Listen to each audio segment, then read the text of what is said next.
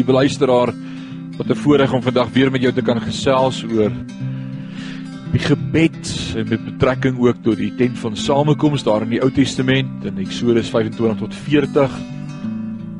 Die tabernakel. Ons het gesien die ingang, dan die binnehof. Ons het gister gepraat oor die koper altaar. Vandag wil ek met jou verder praat oor die koper waskom. Die plek van meditasie. Johannes 15 vers 3 sê Jesus vir sy disippels: "Julle is alreeds rein deur die woord wat ek tot julle gespreek het." Nadat die priester geoffer het by die koper altaar, beweeg hy na die koper waskom waar hy sy bebloede hande en vuilheid sou afwas. Met my tog deur die tabernakel is dit ook hier waar ek in die water is. Wat sê water? Jesus het gesê julle is alreeds rein deur die woord wat ek tot julle gespreek het. Psalm 119 vers 19 sê waarmee sal die jongeling sy pad suiwer hou? En dan antwoord Dawid deur dit te hou na u woord. Efesiërs 5 vers 26 sê Paulus en hy leer vir ons as kerk dat ons skoon gewas word met die waterbad deur die woord. So by die waskom staan ek stil en was myself in die woord deur te bepeins oor een of twee teksverse. Die koper waskom se binnekant was uitgevoer met spieëls wat die Israeliete uit Egipte saamgebring het. En dit leer ons in Eksodus 38 vers 8. Wanneer die priester sy gesig in die waskom gewas het, kon hy homself daarin sien. Soortgelyk vergelyk Jakobus die woord met 'n spieël in hoofstuk 1 vers 23 van die boek Jakobus.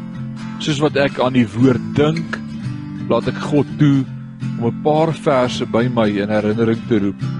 Soos wat my bemoeienis met hom groei, voel ek verfris en skoon gewas deur sy woord. Soos die priester sekerlik verfrissend en reinigend na die waskom dit beleef het. Hierdie is nie 'n geleentheid vir Bybelstudie of Bybellees nie. Ek dink eerder aan dit as mediteer oor 'n vers of twee wat in my gedagtes opkom op wat ek onthou. 'n Voorbeeld Jesus sê in Johannes 14: Laat julle harte nie ontstel word nie, glo in God, glo ook in my. En wanneer ek met hom in gesprek is en besig is by daardie waskom stap nadat ek by die altaar was, dan sal ek daaroor mediteer en sê: Dankie Here dat my hart nie bedroef hoef te wees of ek ontstel hoef te wees nie. U het vir my 'n keuse gegee en my keuse op hierdie oomblik is om nie toe te laat dat my hart vandag ontstel is nie. Ek glo in U. Ek het geloof in U. Dis soos 'n dis soos ek groot geword het. En, en ek geleer dat stilte tyd, 'n tyd van Bybellees en gebed baie belangrik is. Vir baie jare het ek presies dit gedoen, Bybel gelees en bid. Alhoewel dit nie verkeerd is nie, is dit dieselfde as om vir jou vrou te roep en te sê: "My vrou, ek gaan praat." praat, praat en dan praat en weer praat en weer praat en dan kan jy praat as ons klaar is. Dit was so ons verlang stilte tyd gehou het. God het met my gepraat deur sy woord en ek het met hom gepraat deur gebed. Interaktiewe kommunikasie sou tog soveel beter wees. Ek praat met my vrou en sy reageer en praat terug met my.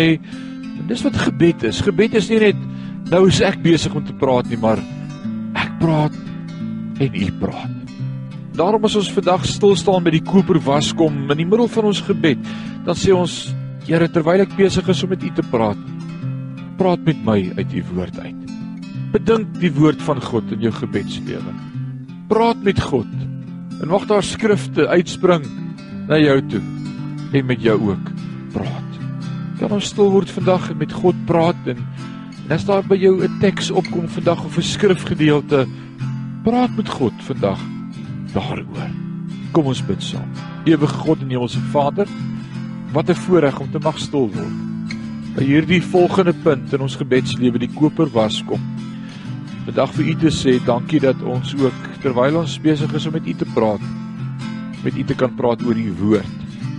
Dat die woord 'n besonderse plek in ons harte en in ons lewe het.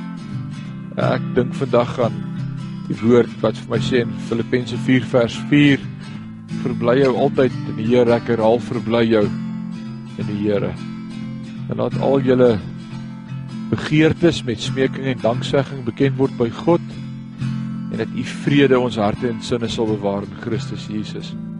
Filippense 4 vers 6 en 7. Vader, as ek vandag in my gebed tyd stil word, dan wil ek dit hoor asof u dit self vir my sê en ek wil antwoord daarop en sê Vader, ek kies vandag om nie ontstel te raak nie. Ek kies vandag om u vrede te beleef wat u gesê het u sal vir ons gee deur u woord en deur die beloftes. Dat daardie vrede van God ook elkeen van ons se harte en sinne sal bewaar in Christus. Aan U al die lof en al die eer is ons gebed in Jesus naam. Amen.